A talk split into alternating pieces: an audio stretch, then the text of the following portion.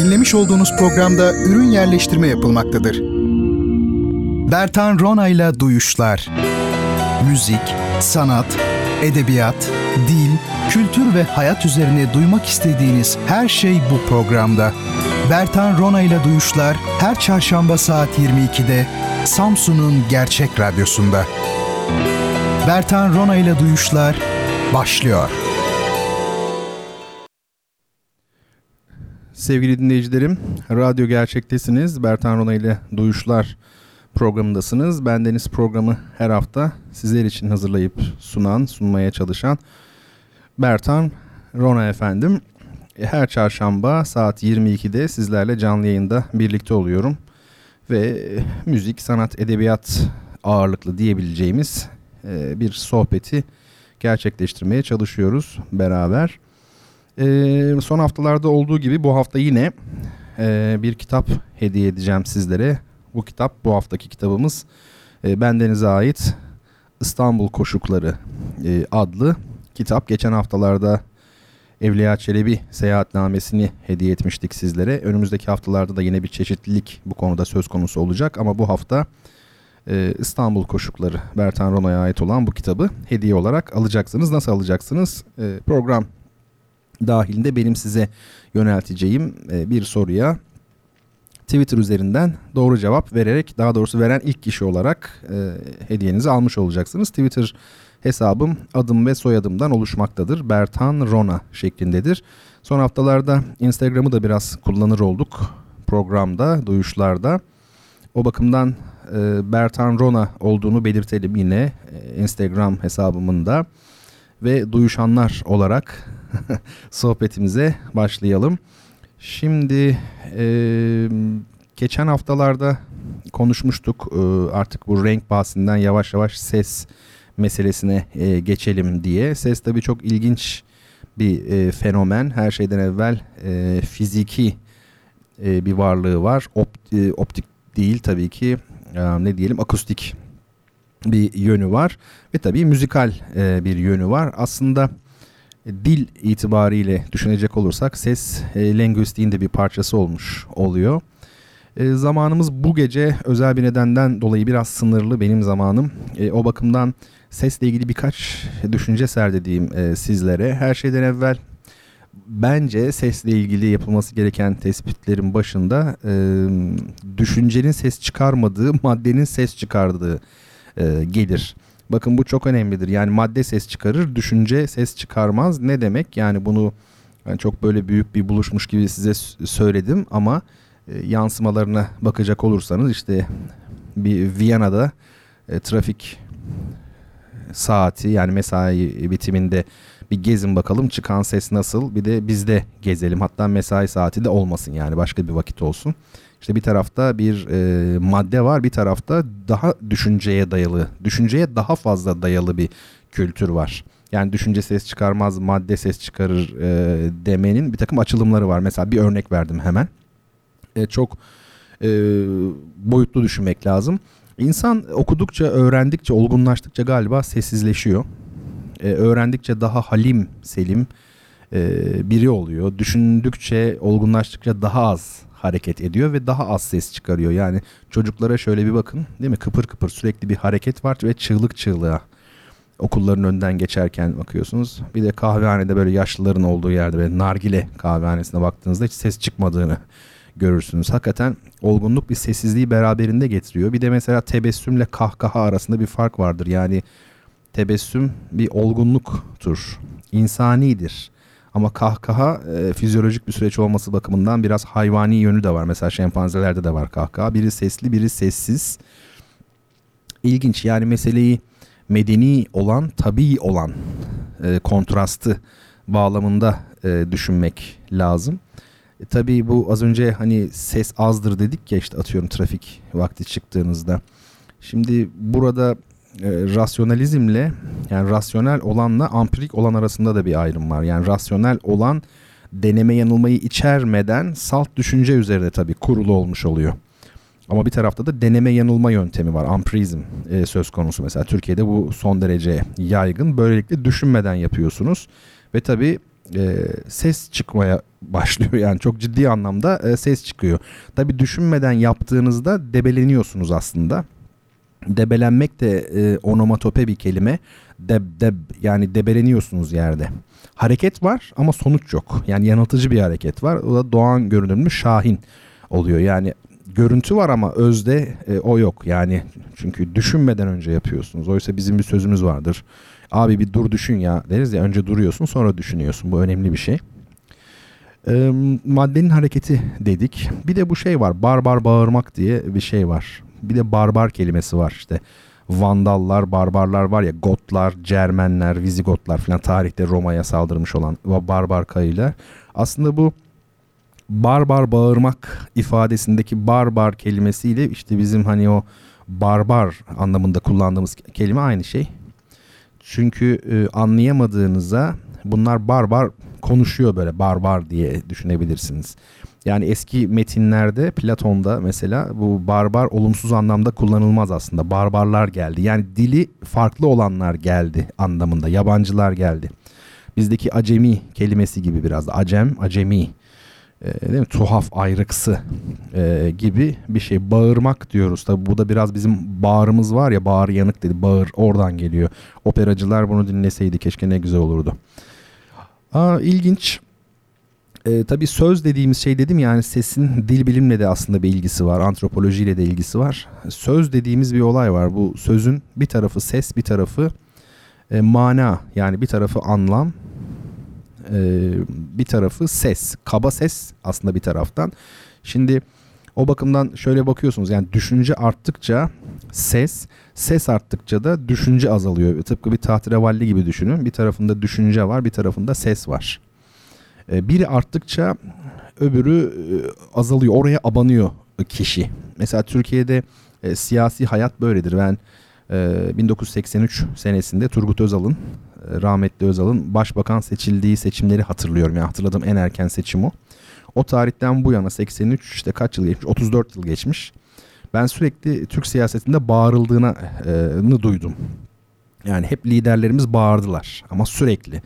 E, çünkü e, aslında içerik yoktu. Söyledikleri şey boş olduğu için yani çünkü gerçek düşünce, gerçek fikir buna e, şey yapmaz, ihtiyaç duymaz yani aslında baktığınızda. E, sesin böyle bir takım özellikleri var. Bu gece dediğim gibi e, aslında çok uzun anlatmak isterim ama hiç merak etmeyin.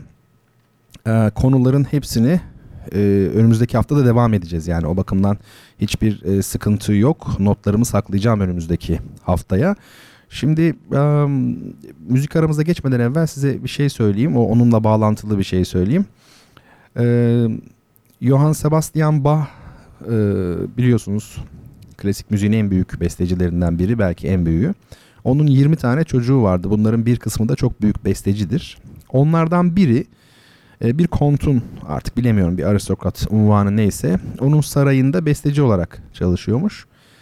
Ve kont kendisi geceleri uyku sıkıntısı çektiği için uyuma sıkıntısı çektiği için e, bana bir beste yap demiş rahat uyuyabileyim yani beste yap ve geceleri ben yatarken onu bana çal demiş klavsenle. E, o da oğul bah babasına gidiyor ve durumu anlatıyor. Yardım istiyor yani bir anlamda. Baba da e, bir beste yapıyor. Bu Goldberg varyasyonları yani o şeyin aristokratın soyadı bu. Goldberg ona ithaf edilmiş çünkü ve rahat güzel bir şekilde uyuyabilsin diye. Tabi onlarda bir şey var böyle orta çağın esnaf aileleri vardır ya meslek sırlarını aile sırrı olarak saklarlar dışarıya vermezler. Bah ve e, oğlunu şöyle düşünecek olursak, oğullarını düşünecek olursak herhalde e, yüzyıllar boyunca, on yıllar boyunca bütün birikimin, bütün mesleki bilgilerin, sırların e, böyle kuşaktan kuşağa aktarıldığını söyleyebiliriz ve bazı müzikologlar der ki Johann Sebastian Bach'la birlikte işte bütün bu orta çağ birikimi, orta çağdan gelen o müzisyen esnaf olma birikimi zirve yapmıştı derler. O yüzden Bach bu noktadadır, doruktur derler. Böyle bir e, şey var.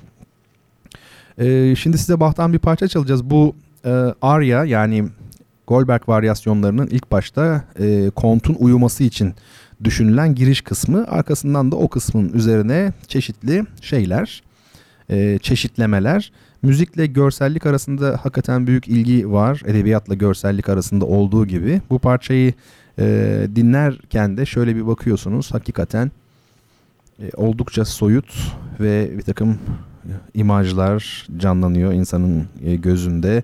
E, bir takım rüyalar görmeye belki e, müsait ve hani kontun uyuyabilmesi için hakikaten ne kadar uygun e, bir müzik e, olduğu aşikar. Şimdi şöyle bir e, dinleyelim. Arkasından beraber olacağız ama şeyi de söyleyeyim. E, son bölümde e, cevaplanmak üzere bana sorularınızı sorabilirsiniz varsa, önerileriniz varsa onları lütfen benle paylaşın. Şimdi Johann Sebastian Bach'tan Goldberg varyasyonlarının aryasını ve arkasından e, birinci çeşitlemesini yani birinci varyasyonunu piyanist Andrei Gavrilov'un yorumuyla dinleyeceğiz. Ardından da Bertan Rona ile duyuşlar devam edecek.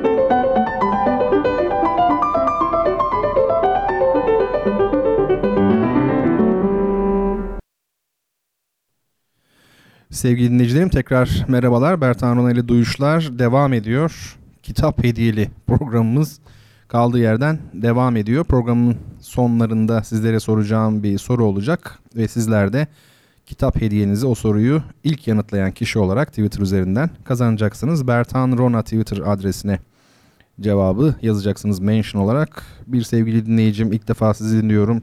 İşe giriyorum. Lütfen soruyu programın sonlarına doğru sorun demiş. Hay hay öyle yapalım. Zaten sonlarda soruyoruz genellikle. İyice sonda e, sorarız. Şimdi Instagram adresimi de vermiştim size. Bertan Rona şeklindeydi. Şimdi ben oraya e, son olarak böyle bir 3 e, resim yükledim. Sizden ricam telefonlarınızla şöyle bir Instagram'a girin. Çünkü e, ünlü Hollandalı ressam 17. yüzyıl ressamı Vermeer var. Onunla ilgili çok az konuşacağım. Bir film önereceğim çünkü size. Teams Vermeer film. Vermeer İngilizlerin Amerikalıların dediği gibi. Yani Tim'in Vermeer'i e, diye bir film önereceğim e, film sizlere. Şimdi şöyle bir resmi açalım. Umarım hepiniz görüyorsunuzdur. Şimdi resimde ilk dikkatinizi çeken şey herhalde hiçbir ressamda olmayan çok çarpıcı bir gerçeklik hissi. Ee, öyle değil mi? Yani özellikle bu süt boşaltan kadın isimli ünlü bir tablosu Vermeer'in. Şimdi o sütün nasıl boşaldığına bir bakın. Oradaki ekmeklere bakın. ışığın nasıl vurduğuna her tarafa şöyle bir bakın. Kadının başındaki örtüye şöyle bir bakın. Çok çarpıcı bir gerçeklik hissi var. Ancak işin garip tarafı şu. Bu gerçeklik hissini Vermeer çok böyle keskin olmadan yumuşak bir şekilde yakalamayı başarmış. İşte bunu nasıl yaptığı e, pek bilinmiyor. E, olağanüstü bir etki. Gerçekten çağımız ilginç bir çağ. Biz çözünürlük arttıkça bir takım şeyleri çözebileceğimizi zannettik. Oysa çözünürlük arttıkça çözemez olduk. Çünkü görüntü aslında kafamızın içindeydi tabii. Bunu anlamaktan uzağa düştük. Çözmekle çözümlemek de çok farklı şeyler birbirinden. Ee, bir şeyi çözümleyebilirsiniz. Yani analize edebilirsiniz, tahlil edebilirsiniz ama çözemezsiniz. Bazı şeyler de vardır ki çözersiniz ama çözümlememişsinizdir. Buna ihtiyaç duymamışsınızdır. Bunları e, kesinlikle birbirinden e, ayırmak lazım. Bu arada bir şey daha mesela ipucu. İpucu değil de hani böyle bir e, virüs atayım böyle aklınıza. Teori kelimesi var ya teoros Yunanca, idea fikir anlamındaki. Ve bir de bizdeki nazariyat. Üçü de görmekle ilgili. Görmek demek aslında. Teoros görmek, idea bir anlamda o da görmek. Nazariyat zaten nazardan geliyor. Görmekle anlamak. Zaten gündelik dilde de birbirinin yerine kullanırız. Ya hala görmüyor musun kardeşim deriz mesela. Ya da İngilizler yeah I see, I see yani anlıyorum filan e, diyorlar. İlginç. Bu çözme, çözümleme, görme, anlama bunlar arasında e, yani düşünün diye biraz bunları şey yaptım. Beraber düşünelim diye ya da söyledim. Tekrar resme dönelim. İşte resimdeki inanılmaz bir gerçeklik ama fotoğrafik olmayan bir gerçeklik var değil mi? Büyüleyici. Ve çok ışıltılı görüyorsunuz arka tarafa şöyle duvara doğru bir bakın. Hollandalı ressamlarda Rembrandt'da özellikle çoktur bu. Hollanda bir ticaret ülkesi olduğu için o dönemlerde Amsterdam filan. Tabi doğudan gelen tüccarlar ve mallar çok olsa gerek. Doğunun ışıltısını iyi biliyor e, Flaman e, ressamlar. Şimdi film üzerine birkaç şey söyleyeyim. İkinci fotoğrafa geçelim ama ikinci fotoğraf olmamış. Maalesef bu ikinci fotoğrafın DV şeyi e, filmin DVD kapağı. Ben bunu yükledim ama kesmiş bunu niyeyse. Ama problem değil. Altta adamın yüzünün tamamı var. Üstte de işte filmin adı yazıyor. Teams Vermeer diye. Efendime söyleyeyim bu e, film 2013 yapımı. Yönetmen Teller diye bir vatandaş. Bu filmi Tim Janus'ın o kapakta yarısını benim gönderdiğim resimde yarısını görebildiğiniz adam. E, bu adamcağız zengin bir adamcağız. Bir inventor diye geçiyor. Mucit yani. ilginç şeyler icat etmiş. Emmy ödülü kazanmış hem kendisi hem şirketi. Bu adam şunu iddia ediyor. Vermeer bu resimleri e, çıplak gözle yapmadı. E, aynalardan yararlanarak e, yaptı. Bir böyle lens kullanarak yani yaptı ve kendisi de bunu yaparak aynı resmi aynı şekilde yaparak bir e, iddia e, ortaya koyuyor. Bunu ispatlamaya e, çalışıyor ama Vermeer'in tablolarından yararlanarak o evi aynı şekilde yaptırıyor falan filan. Bu bir belgesel film. E, klişe yönleri de var kısmen. E, biraz ikinci yarıda da tempoyu kaybediyor. E, ama önemli yani Vermeer ne kadar büyüleyici bir ressam onu anlamak için ve ecnebinin nelerle uğraştığını anlamak için yani bizim neyle uğraşmadığımızı anlamak e, açısından E, tavsiye ederim. Müziği çok güzel bu arada. Conrad Pope adlı bir besteciye ait. Alın size soundtrack tavsiyesi. Hani demiştiniz ya güzel film müzikleri önerin diye. Bununki çok güzel. Piyasada da var anladığım kadarıyla. About Schmidt diye bir film önermiştim geçtiğimiz bölümlerde size. Onun e, müzikleri de e, çok e, güzel.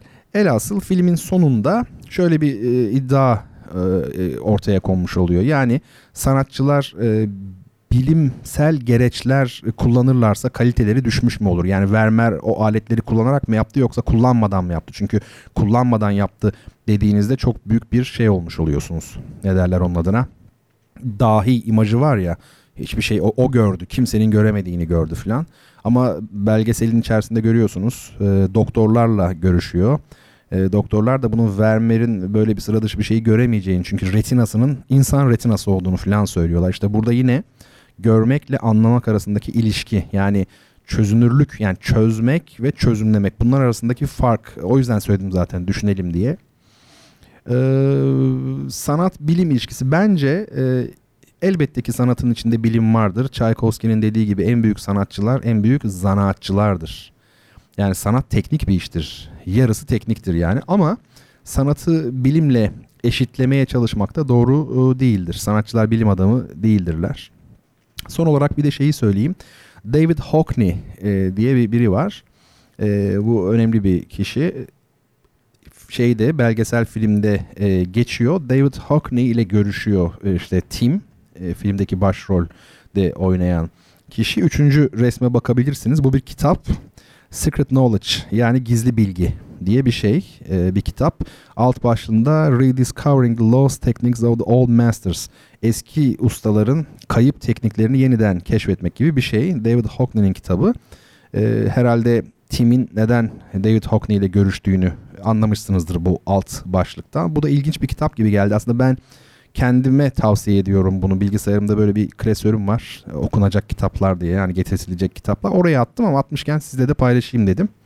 Tavsiye ederim. Evet her ne kadar e, alttan üstten yine fotoğraf biraz kesilmiş olsa da e, çok net görünüyor kitabın adı, yazarı ve yüzü. Biraz Canan Karatay'a benzemiyor da değil. David Hockney. Bu da işin e, şakası olsun. Şimdi zamanımız bugün dediğim gibi maalesef biraz az olduğu için bir takım e, konuları önümüzdeki haftaya bırakıyorum. Önümdeki notlarda da işaretleme yapıyorum yani bu haftaya falan diye. Bir soru vardı mesela bana yöneltilmiş. Orkestra şefi gerçekten lazım mı orkestrada? Ne iş yapıyor bu vatandaş falan gibi. Ee, onu bakalım zaman kalırsa cevaplarız. Kalmazsa önümüzdeki e, haftaya doğru bırakırız. Ya da benim içime sinmedi ben onu cevaplayayım ya şimdi cevaplayayım. Şimdi ben e, operada Devlet Opera ve Balesi'nde temsil yönetmiş. Bayağı bildiğiniz normal temsil. Müzikal gerçi yani ama e, bir temsil yönet, orkestra şefi olarak yönetmiş biriyim. E, koro şefliği de yaptım uzun zamanlar. Yani orkestra şefi olarak çalıştım öyle söyleyeyim yani. E, konser yönettim, temsil yönettim. Dolayısıyla e, biliyorum. E, ben size bir şey söyleyeceğim. Şef temsilden önce rahatsızlanırsa yani kestirmeden söyleyeyim size. Temsile 5 dakika var. Seyirci gelmiş salonu doldurmuş. Orkestra şefi orada. Ama bir anda rahatsızlandı 5 dakika kala adamcağız, e, kadıncağız, kadın şefler de var. Kalp krizi geçirdi, öldü. Ne olur? Perde kapanır efendim. Temsil yapılamaz o gün. Ee, bu herhalde yeteri kadar açıklayıcı. Demek ki şef sadece elini kolunu sallamıyormuş. Yani temsil yapılamaz, hiçbir şekilde yapılamaz. Sadece eseri çok iyi bilen, e, provalarda bulunmuş, kendisi de prova yapmış biri olmalı o eser için. Şefin asistanı falan böyle şefle beraber bütün provalara girmiş. Belki o yapabilir, yaparsa. Hatta büyük şeflerin hayat hikayelerinde vardır ya işte orkestra şefi rahatsızlanınca son anda e, eline baget alıp temsili kurtardı, konseri kurtardı falan öyle meşhur oldu gibi. E, tabii ustanın ölmesini bekleyeceksin yani. Burada da öyle e, bir durum var. Hocam bana öyle demişti. Ben o bir gün lavaboya gitti herhalde dışarıya. Ben hemen onun koltuğuna oturdum. İki dakika sonra geri geldi. Ben yönetiyorum tabii. Şey dedi o kadar kolay değil bu işler dedi. Benim ölmemi bekleyeceksin demişti. Allah uzun ömür versin. Ee, şimdi en iyi eğitimi alan böyle Amerikalarda okusun kendisi dahi olsun kulağa çok iyi falan müthiş bir orkestra şefi genç mezun oldu diyelim geldi. Bir opera orkestrasının başına getirin. Mesela Otello varsa eser olarak söylüyorum Otello. Hemen kendisi o hafta emekli olabilir. Çok kötü güveni kırılabilir. Yani o da yetmez. Çok büyük tecrübe gerekiyor. Özellikle operada çalışmak. Demek ki bu yani ne diyorum bakın eğitimini almış gelmiş E, 20 yaşında mesela bir büyük eser veriyorsunuz. Al bunu yap bakalım orkestra şefi olarak falan dediğiniz an e, çok kötü sonuçlar emekli olur yani direkt. O yüzden büyük bir şefin kanatları altında yavaş yavaş o işi e, öğrenmesi gerekiyor. E, orkestra şefi e, orkestranın hep beraber girebilmesi, hızlanıp yavaşlayabilmesi için, e, durabilmesi için. Mesela şimdi şöyle hayal edin. Üç kişi beraber müzik yapıyorsunuz. E, parçaya başlayacaksınız. E nasıl başlayacaksınız? Üç kişisiniz. E, birisi kafayla hareket verse biriniz veya eliyle hop beraber başlayabilirsiniz. Ama şimdi 120 kişilik orkestrada kim kime dumduma yani en arkada vatandaş birbirini görmeyenler çok. Nasıl hep beraber gireceksin? Nasıl hep beraber duracaksın, hızlanacaksın, yavaşlayacaksın? Onu şef yapıyor işte. Ee, böyle bir şey demek ki orkestra şefi elini kolunu sallamıyor. Ee, günümüzde orkestra şefleri star gibi tabii. Bir de eski anekdot vardır Sovyetler Birliği döneminden işte kolektivizm falan hikayeleri var ya. Ee, bir Rus empresario aramış Amerikalı e, meslektaşını. Demiş ki bizde demiş bir orkestra var şefsiz çalıyor demiş. İlgilenir misiniz demiş turneye getireyim Amerika'ya. Amerikalı şey demiş vallahi demiş şefsiz orkestra değil de orkestrasız şefin varsa o ilgimi çeker demiş. Şefler hakikaten bu anlamda böyle e, çok idealize edilen bir pozisyonda bulunuyorlar. Ben çok uzatamıyorum maalesef. Şimdi e, bir müzik arası vereceğiz. Fusion e, çok enteresan bir müzik. Biraz gürültülü kalabalık bir müzik Fusion tarz olarak. Ama benim hep ilgimi çekti. Ee, Chick Corea Return to Forever grubuyla, kendi grubuyla Compact Jazz diye bir albüm. Galiba 1976 tarihli. Siz bakıverin ben tam işte attım yani aşağı yukarı öyle kalmış aklımda. Burada Amerika'nın renkliliği var. Rock etkileri var. Ee, çok ilginç. Avrupa cazına benzemiyor. Yani cazı biliyorsunuz yani Avrupalı müzisyenler artık konservatuarda okuyarak caz yapıyor falan. Öyle caz bence olmaz. Yani okusunlar tabii ama yani e, hakiki caz bence çok spontan bir şey caz evcilleştiriliyor maalesef e, çağımızda. E, burada Kore'nin, Chick Kore'nin hakikaten evcilleşmediğini görüyorsunuz. Yani sterilizasyona direndiğini görüyorsunuz. Albümdeki e, ekip de acayip yani. Chick Korea e, piyanoda, basta Stanley Clark, gitarda Aldi Meola, flütte Flora Purim, e, davulda galiba Ayrton Moreira, Joe Farrell herhalde o, o şeyde pardon flütte, Lenny White ve Jean-Luc Ponty inanılmaz bir yıl, takım yıldızı gibi. Ee, şimdi bunu dinleyelim. Ee, ondan sonra yine burada olacağız. Sorularınız varsa dediğim gibi sevgili dinleyicilerim bana sorabilirsiniz. Müzik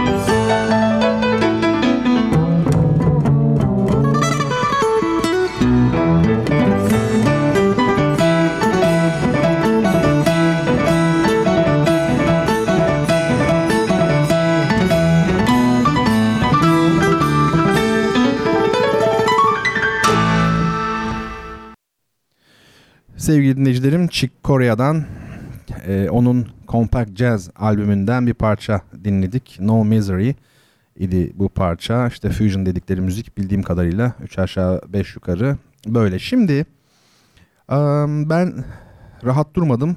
Arada Instagram'a yine bir şey yükledim. Sizden ricam Bertan Rona e, Instagram hesabından bunu açmanız. Bu bir şiir.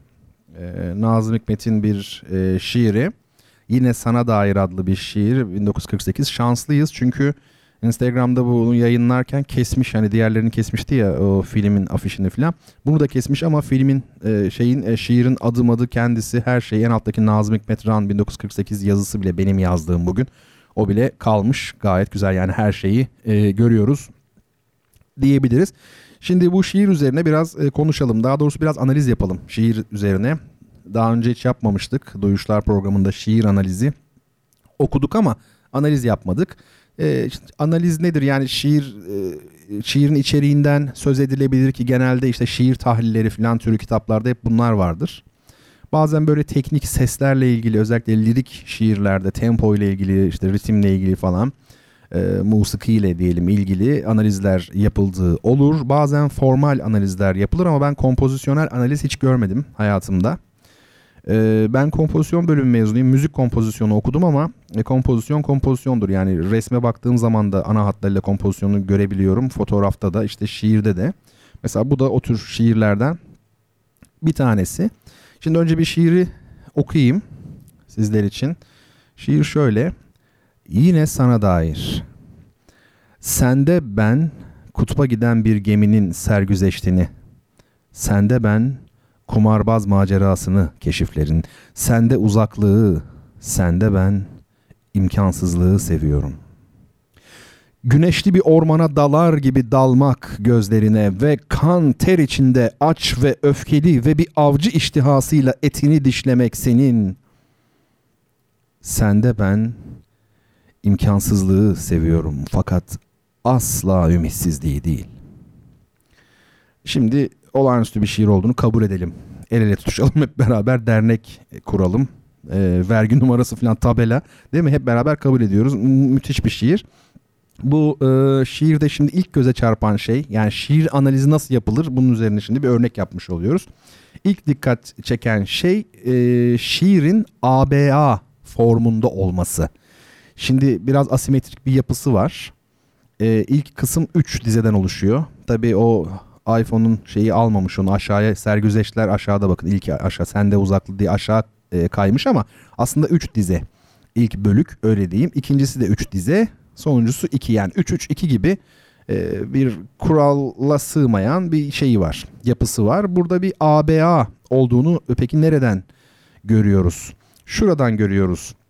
Sende kelimesi var ya bakın bu şiiri hareket ettiren temel e, motif bu. Şimdi motif kelimesini çok kullanıyoruz ama motif e, motivus mot, motive etmek vardır ya e, hareket demektir. Yani motif aslında hareket ettirici güçtür. Esas lokomotiftir. Ha bu arada bir cevap vereyim. E, bir beyefendi sormuş şey bu teoros görmek mi temaşa etmek mi? Aslında kontemplasyon demektir. Yani tabii ki temaşaya daha yakın kontemplasyon ama o kontemplasyonun bir adım altına indiğinizde yine görme olur. O, o da bir uzun mesele. Belki bir gün onu da konuşuruz. Şimdi bu analizi bölmeyeyim ama kontemplasyondur tam gerçeken Latin şeyi. Temaşa anlamına da gelir tabii ki. O daha yakın. Şimdi e, sende kelimesi demek ki hareket ettirici bir motif burada. Ee, bakın şimdi sende nasıl kullanılmış. İlk kısmı bir daha okuyorum. Sende ben kutba giden bir geminin sergüzeştiğini, Sende ben kumarbaz macerasını keşiflerin. Sende uzaklığı, sende ben imkansızlığı seviyorum. Şimdi bu sendenin kullanım sıklığı bakın giderek artıyor değil mi?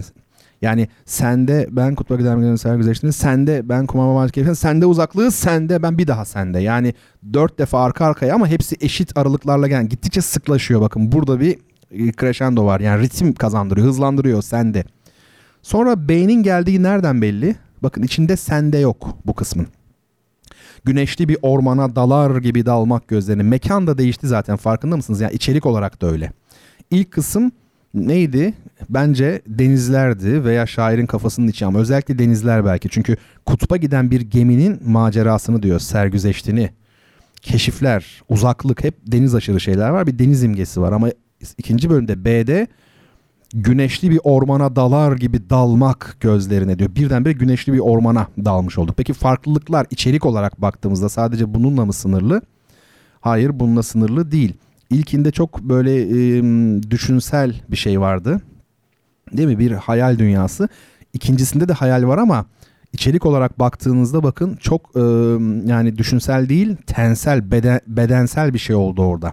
Değil mi? Güneşli bir ormana dalar gibi dalmak gözlerine ve kan ter içinde aç ve öfkeli ve bir avcı iştihasıyla etini dişlemek senin. Yani burası oldukça vahşi.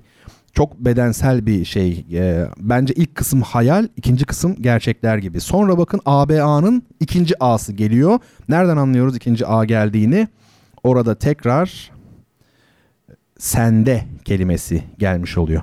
Şimdi okurken de e, ona göre okumak lazım. Yani bu ABA'yı hissettirmek lazım. İlk kısımdaki sendenin temposunu hız gittikçe yani orada bir şey var değil mi? Accelerando yani Fransızların accelerando dediği hızlanma var. Sende de frekansı gittikçe sıklaşıyor.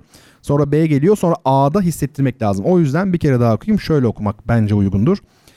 Sende ben kutba giden bir geminin sergüzeştiğini, sende ben kumarbaz macerasını keşiflerin, sende uzaklığı, sende ben imkansızlığı seviyorum.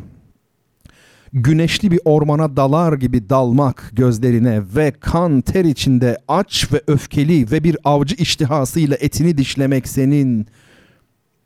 Sende ben imkansızlığı seviyorum fakat asla ümitsizliği değil.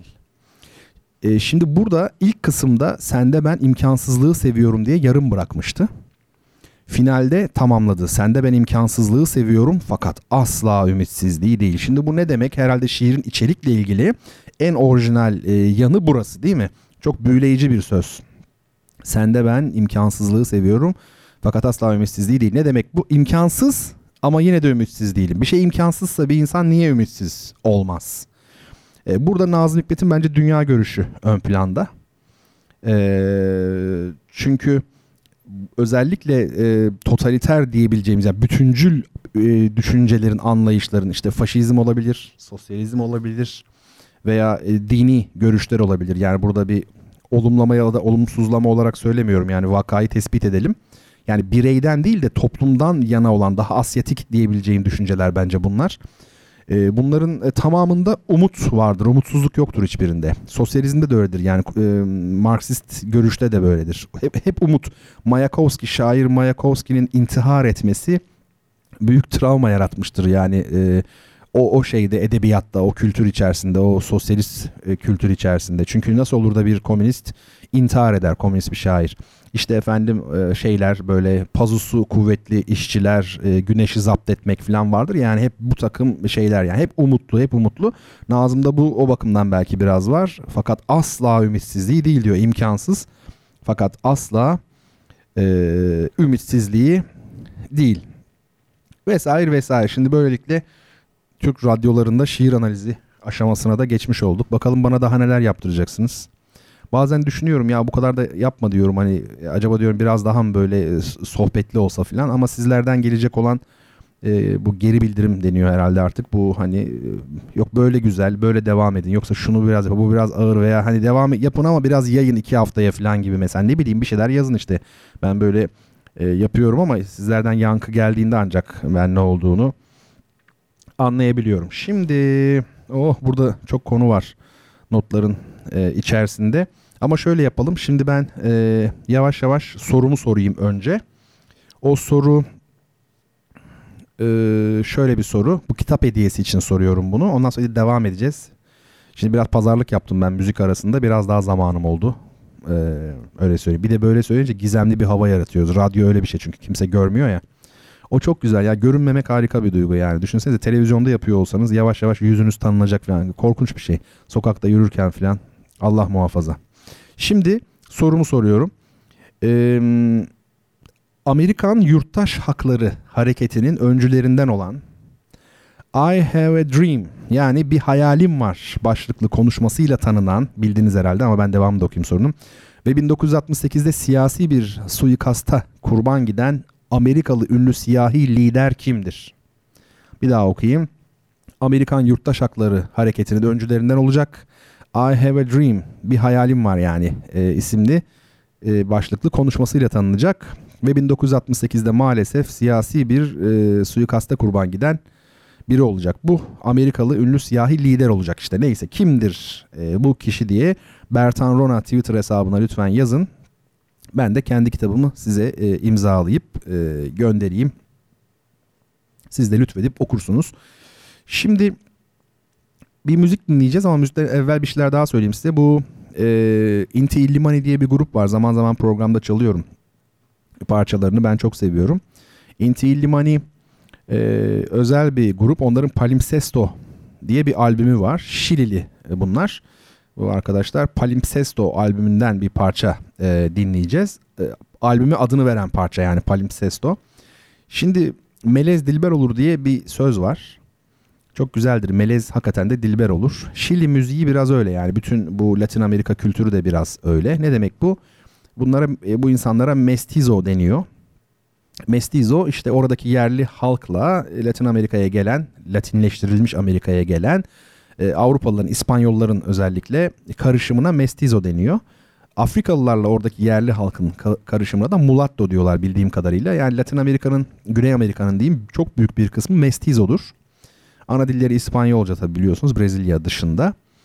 E, ben Şilili bir ikilinin konserine gitmiştim İzmir'de yıllar evvel. Papolete ikilisi. Son derece sıcak insanlardı. Onların tabi bu Ant dağları e, ve bir sol gelenekleri var e, ciddi biliyorsunuz işte değil mi? Yani Castro'lar, e, Che Guevara'lar vesaire vesaire. E, orada Atahualpa e, zamanının İnka hükümdarı e, Pizarro'nun eline bildiğim kadarıyla esir düşüyor.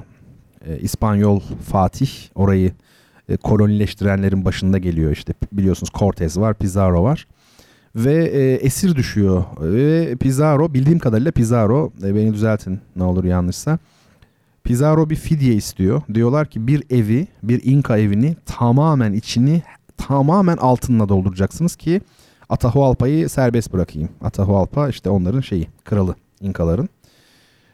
Ee, bir odayı, bir evi pardon, koca bir evi altınla dolduruyor İnkalar ve veriyorlar. Buna rağmen e, Pizarro sözünde durmuyor. Atahualpa'yı teslim etmiyor. E, ve ölüme mahkum ediyorlar. E, kafirlikten dolayı çünkü yani Hristiyan olmayan kafir.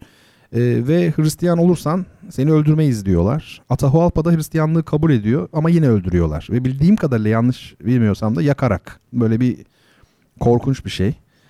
Ee, çok ilginç bir şey anlatılır. Atahualpa ilk e, Pizarro ile görüştüğünde galiba orada bir psikopos var, papaz bir, biri var. İncil uzatıyor kendisine. Pizarro da şöyle bakıyor, çeviriyor. Bu konuşmuyor diye geri veriyor. Bu muhteşem bir şeydir. Bu konuşmuyor. Yani sözlü kültürle yazılı kültür arasında özellikle dini literatürde çok ciddi bir şey vardır. Hani bugün var ya işte Kur'an İslamı var. Öte tarafta ne var? Hadis var. Yani sözlü gelenek. Ya bunlar uzun konular. Yani bu bu, bu konuşmuyor demesi bugüne kadar uzanan bir mesele. Girmeyelim şimdi oraya. Tabii çok da idealize etmeyelim. Atahualpa da kendi kardeşini öldürtmüş biri. Bu iş böyle yani. Ee, tabii Cortez olsun, Pizarro olsun Güney Amerika'ya gittiklerinde yanlarında işte papaz, bir haç, inciller falan bildiğimiz o klasik hikayeler var. Ee, emperyalizm böyle bir şeydir. Ee, din kisvesi altına bürünmüş büyük çıkarlar söz konusu. Zaten ben hep şunu görmüşümdür. Büyük çıkarlar genellikle büyük ideallerin ardına saklanır. Yani büyük böyle büyük lafların, büyük görüntülerin arkasına saklanmış oluyor. Neyse sorumu da sormuş oldum. Şimdi telefonumu elime alıp bir bakarım. E, siz de bu arada Palimpsesto albümünden Palimpsesto isimli parçayı dinlersiniz. Inti Illimani e, grup. Ondan sonra da programımızın kalan kısmına devam ederiz.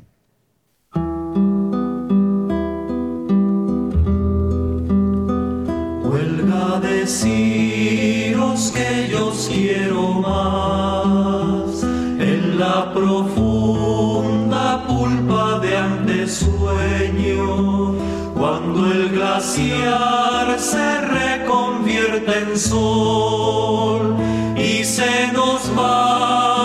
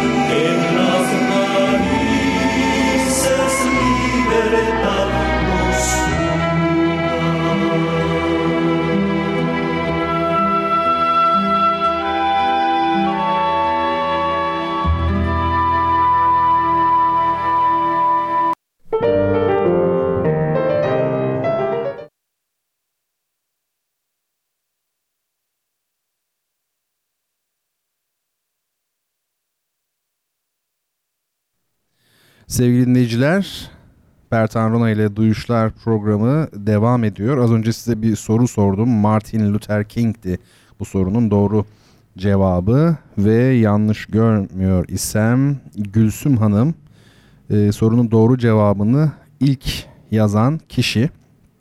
Dolayısıyla kendisi bir kitap kazanmış oldu bizden bendenize ait olan İstanbul Koşukları adlı bir kitap. Ben şimdi kendisini takibe alıyorum Gülsüm Hanım'ı ve ondan ricam e, direkt mesajdan lütfen bana e, adını, soyadını, tam olarak adresini yazsın ya da nereye istiyorsa e, kitabı ben de arkadaşlarıma vereyim ve onlar da göndersinler. Şimdi e, sizlere tanıtacağım bir kitap var bu hafta. O kitap e, Anna Arendt'in bilenler mutlaka vardır. Felsefeye yakın olanlar bileceklerdir. Anna Arendt'in Şiddet Üzerine adlı kitabı. Anna Arendt kim? Ben şimdi size bir e, okuyayım. İletişim yayınlarından çıkmış bir kitap bu. Güzel bir kitap.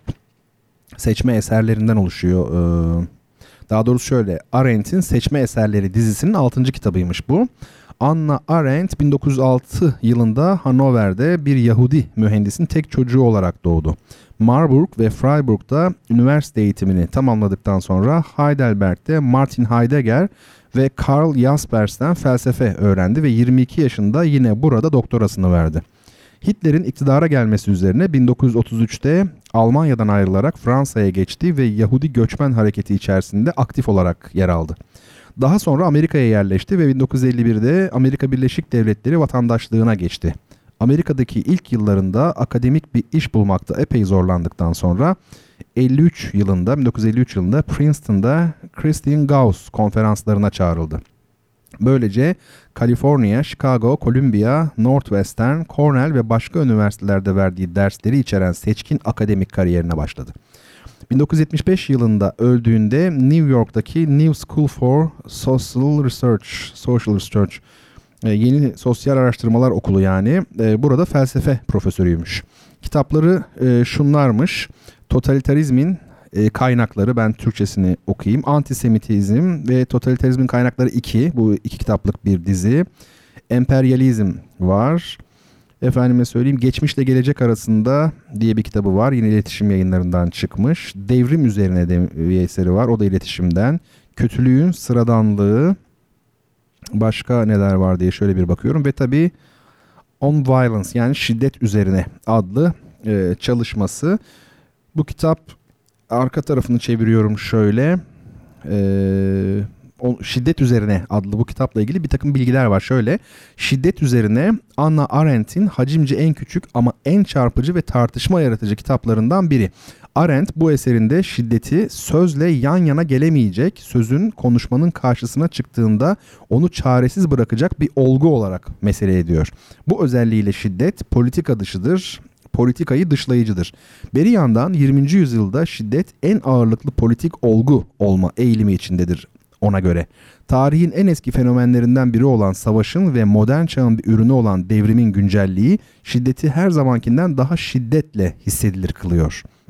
Arendt işte bu paradoksu tartışıyor kitabında. Bunu önce savaş ve devrim olgularını şiddet açısından kıyaslayarak sonra çağımızın önemli devrimlerinin ve onların temel ilkelerinin şiddetle ilişkisini yorumlayarak yapıyor devletin ve iktidarın sadece ya da temel olarak şiddetle tanımlanması ona göre düşünsel açıdan çağımızdaki şiddet üretimini yoğunlaştıran temel problemlerden biri.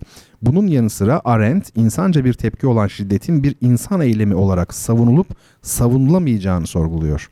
Arendt'in temel vargısı şu.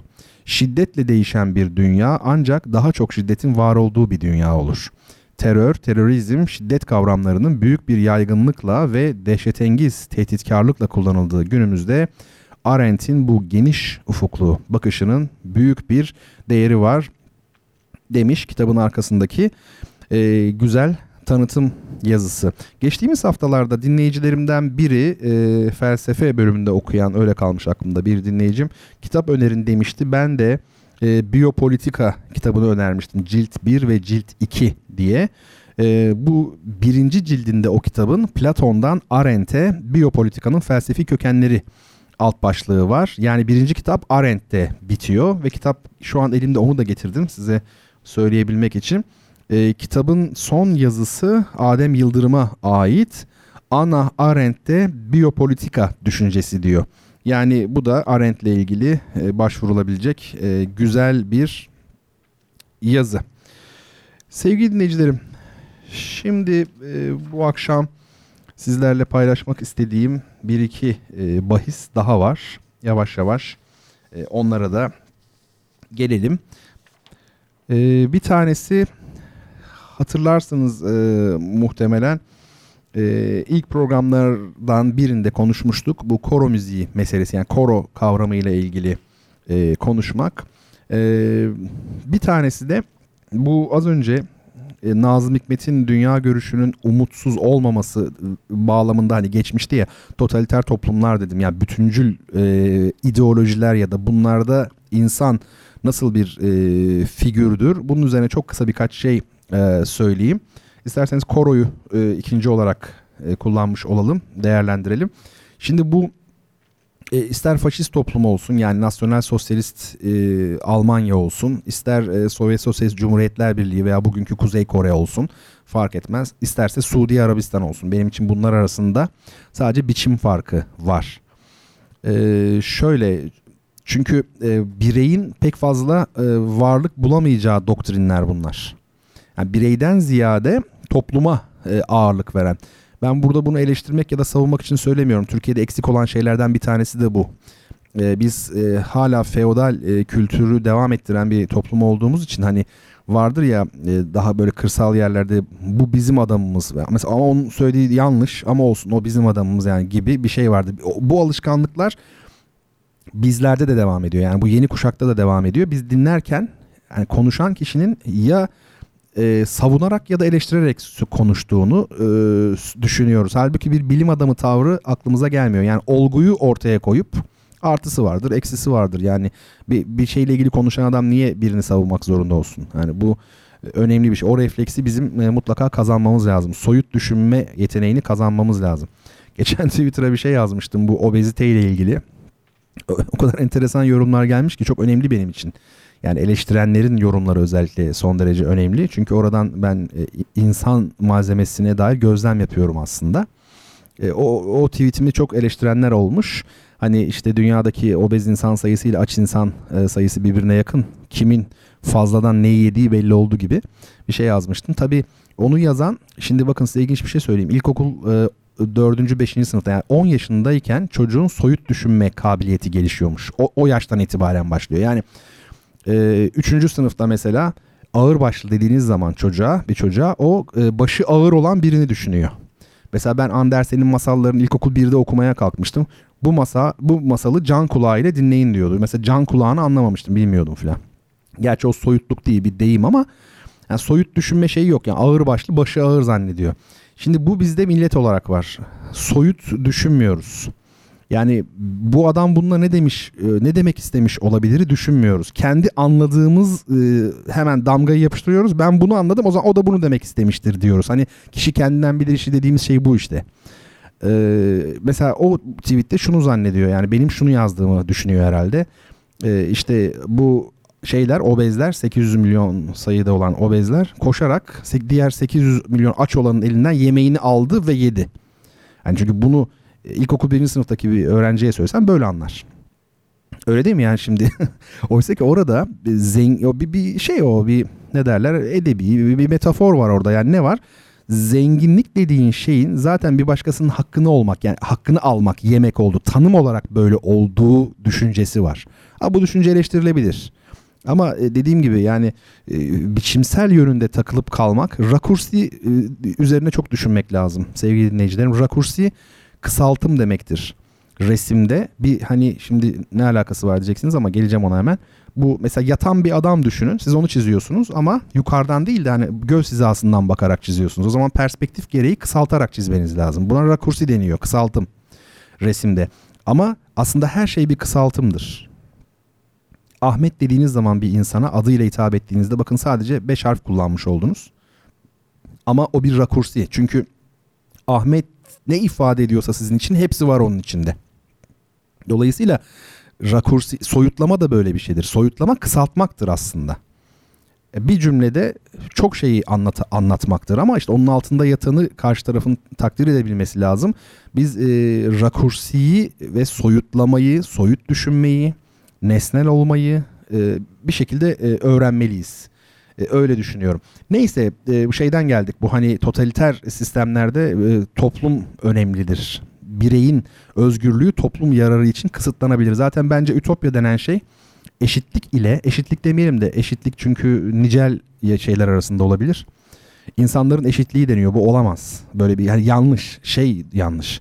Boy 2 mesela 1.80 boy 1.80 boy. Bu eşit olabilir.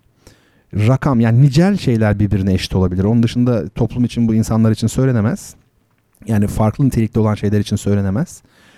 Ee, şimdi bana göre ütopya çok ilginç bir şekilde bu eşitlikle yani adalet öyle diyeyim adaletle özgürlüğün birleşmesi. Bunlar birleşemiyor hiçbir zaman. Batı toplumlarında özgürlüğün doğuda adalet düşüncesinin ortaya çıktığını görüyoruz tarihte. Yani birinde tevhid var, bütünlük. Öbür tarafta özellikle işte Rönesans'tan sonra Atlantik'e açılmakla beraber bir bireysel gelişim, özgürlük meselesini görüyorsunuz. Fert kavramı, individualizm ortaya çıkıyor. Individuum yani bölünemeyeni bölmek. Individuum atomun latince çevirisidir. Dolayısıyla e, bakın yani konteksten kopmuş parçalamış oluyorsunuz. Siz özgürlük işte orada başlıyor vesaire işte ama totaliter toplumlarda bir şey var bir e, vasat var. Öyle değil mi yani ortalama olma. İslam vasat dinidir. Vasatan ümmeten. Üm, e, vasat yani ümmeti ortalama mesela bakın böyle bir şey var. Şimdi tabii günümüzde çok böyle modern görünen, çok böyle özgürlüğü e, yaşadığı öngörülen toplumlarda bile görülen toplumlarda bile aslında bir taraftan bir e, doğal bir e, faşizm ürediğini görüyorsunuz. Çünkü endüstrinin ve yığınların olduğu yerde ister istemez bir tek düzelik, bir teviye, bir akış ve bir yığın olma hali. Çünkü endüstri bu demektir yani yığınsallık demektir. Alışveriş merkezlerine giriyoruz, para çekiyoruz. Para... Yani herkes birbirinin aynı bir robota dönüşüyor. Bu da aslında bir anlamda bir tezat e, Batı toplumlarında e, yaşanıyor güya ama bakın görüyorsunuz burada da herkes eşitleyen bir e, şey var. Faşizan bir şey var. Faşizan derken yani ben bunu bu sıradanlık anlamında kullanıyorum. Felsefi anlamda kullanıyorum. Yoksa siyasal şey direkt onu kastediyor değilim sadece. Bu, günümüzde herhalde insanların farklı olma ihtiyacı, bir titrin altına gizlenme ihtiyacı da buradan kaynaklanıyor. Yani çünkü tek başına adam hiçbir şey değil. Kadın hiçbir şey değil tek başına. Mutlaka bir titri olacak. Mesela birilerini tanıtıyorlar televizyonda yazar işte Ahmet Öztürk attım öyle biri var mı bilmiyorum da hani ve işte e, doktor bilmem ne uzmanı Feng Shui uzmanı Ayşe Öztürk mesela attım. Şimdi hep böyle bakın herkesin başında bir titri var. Yazar bilmem kim falan. Sanki adı yok. Titri olmadan olmuyor gibi. Yani kendisinin bir değeri yokmuş gibi. Ee, sıradanlığın itirafı gibi. Hatta bir şey anlatmıştım galiba burada. Fahrettin Kerim Gökay'la Tito işte şey yapıyorlar İstanbul'da buluşuyorlar. Tito Yugoslavya Devlet Başkanı geliyor. Fahrettin Kerim Gökay havaalanında onu karşılıyor. Atacağım tamamen yani ben işte diyor e, Ordinarius Profesör işte İstanbul Belediye Başkanı ve İstanbul Valisi Garnizon Komutanı işte Orgeneral Fahrettin Kerim Gökay gibi bir şey söylüyor. Senatör aynı zamanda bir sürü var. Adam da bakıyor Tito. Cevap sadece bu kadar. Tito adamın adı o ne yapsın yani vesaire vesaire. Bir de ne vardı? Koro bahsi vardı. Şimdi onunla da ilgili biraz e, şey yapalım. Koro ile ilgili konuşalım. Ondan sonra siz sağ ben selamet evlerimize gideceğiz ve haftaya kadar hiçbir şey olmamış gibi davranacağız. E, vesaire vesaire. Bir taraftan da şeye bakıyorum. Mesajlarınıza şöyle bakıyorum. Soru var mı? Herhangi bir şey var mı diye bakıyorum. Ee, Rüştü Atmaca Bey resimleri ve şiirlerin fotoğraflarını Twitter hesabınızdan da paylaşabilir misiniz? Ee, Instagram hesabı olmayanlar için tabii neden paylaşmayayım? Ee, Gülsüm Hanım kitaplarınızı geçen yıl okumuştum ve kütüphanemde diyor. İmzanızı emanet edeceğiniz kitap hakkımı sonra başka kitap için kullanmam mümkün müdür? Aa tabii mümkündür neden olmasın ben notumu alayım ee, Gülsüm Hanım. Ee, başka bir kitap vereceğimiz bir gün ya da hemen ben eve gidip onu en kısa zamanda e, halletmeye e, çalışayım. E, son olarak koro müziğinden bir bahsedelim. E, koro müziği şimdi insan sesi çok enteresan bir şey sevgili dinleyicilerim. E, neden enteresan? Bir kere her şeyden evvel müzik yapıyorsunuz ama enstrüman yok, araç yok. Yani ne demek e, araç yok? Araç var ama ses telleri e, sizin bedeninizde. Yani müzikle aranızda bir araç yok. Bu çok enteresan ve güzel bir şey. Dolayısıyla taşıma güçlüğü de yok. Siz nereye giderseniz gidiyor. Biliyor musunuz e, bu biraz teknik bir mesele. Yani o yüzden girmeyeyim ama en doğru müziği koro yapar her zaman. Ben yıllardır bunu söylerim.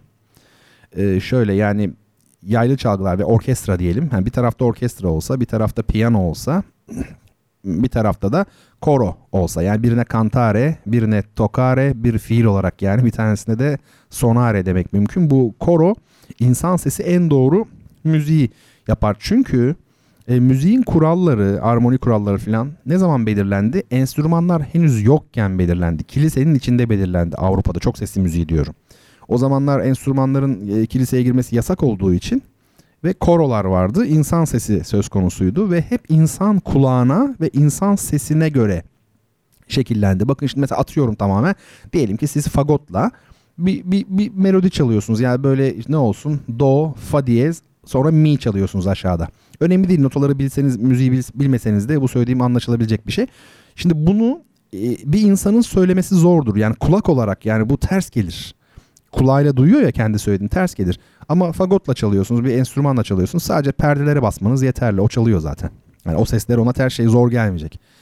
Ee, siz orkestrada çalıyorsunuz. Mesela böyle bir yer geldi. Valla aklınızda işte ertesi gün yatıracağınız su faturası var. E, o onu çalıyor ama.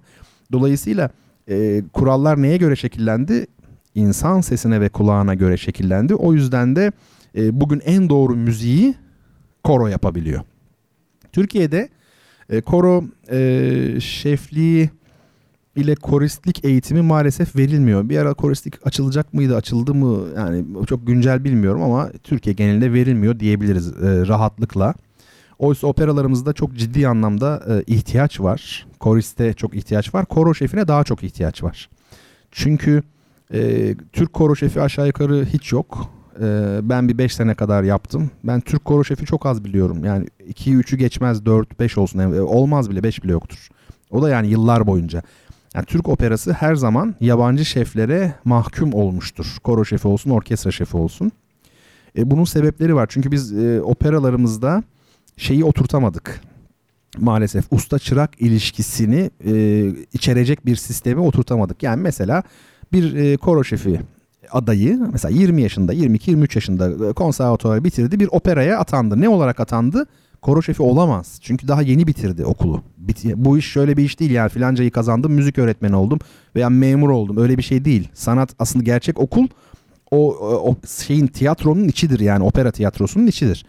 22 yaşında 23 yaşında bitirdi geldi. Ne olarak atandı? Şef yardımcısı, koro şefi yardımcısı olarak atandı. Orada kim var? Çok tecrübeli bir koro şefi var. Onun yanında provalara giriyor. Öğreniyor. Bak yani kendisi eğitimini almış ama o teknik eğitim yani mesleğin içindeki tecrübeyi orada ediniyor. Yavaş yavaş onun kanatlarının altında. Yoksa koro adamı çok kötü yapar yani. Rendedir koro.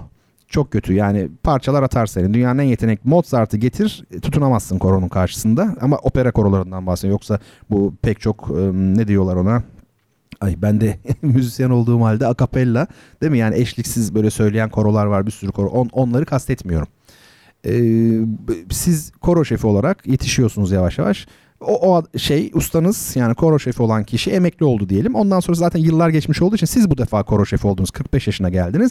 Bu defa sizin yanınıza bir e, koro şefi yardımcısı geldi. Yani bu, bu kadar basit aslında biliyor musunuz? Yani bu nasıl e, uygulanamıyor ben anlamıyorum. E, debelenme söz konusu. Yani dedim mi eğitimde debeleniyoruz, operada debeleniyoruz. Debeleniyoruz sürekli. Ama e, birilerinin bundan çıkarı var da o yüzden debeleniyoruz. Yani Kleine aber mein. Almanların dediği gibi küçük ama benim. İşte bu bu düşünce maalesef e, bizi bitiriyor. Şimdi bu akşamlık programımız bu kadar olsun sevgili dinleyicilerim. Müessesemizin size sözü olsun. E, önümüzdeki hafta burada eksik kalan konuları e, tamamlayalım. Kitap hediyemizi göndereceğiz. Bu akşam e, soru pek sormadınız. Bir iki soru dışında aslında e, denk geldi.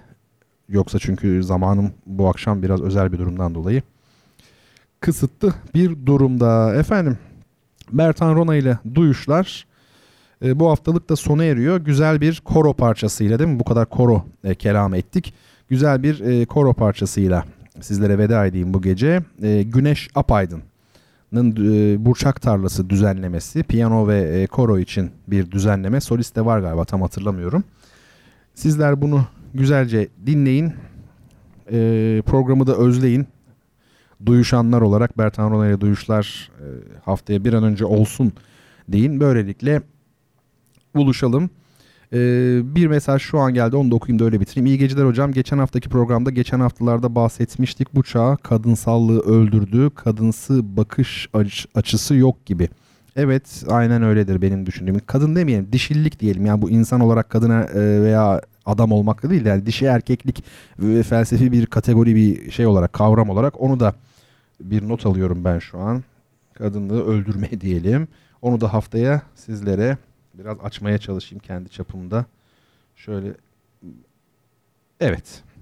Peki hadi artık burada e, bitiriyoruz. Güneş Apaydın'dan Burçak Tarlası geliyor. Bertan Rona ile Duyuşlar hepinize veda ediyor. Haftaya görüşmek üzere.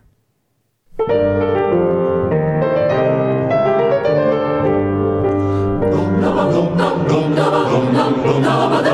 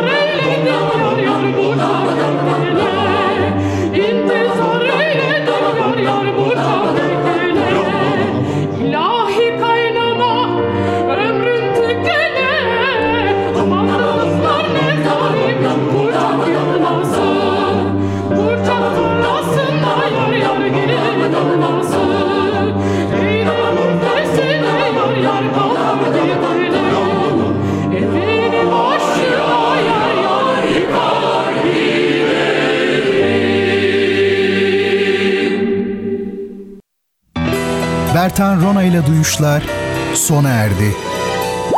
Bu program hakkındaki düşüncelerinizi dinleyen et radyogercek.com adresine mail atarak bize ulaştırabilirsiniz.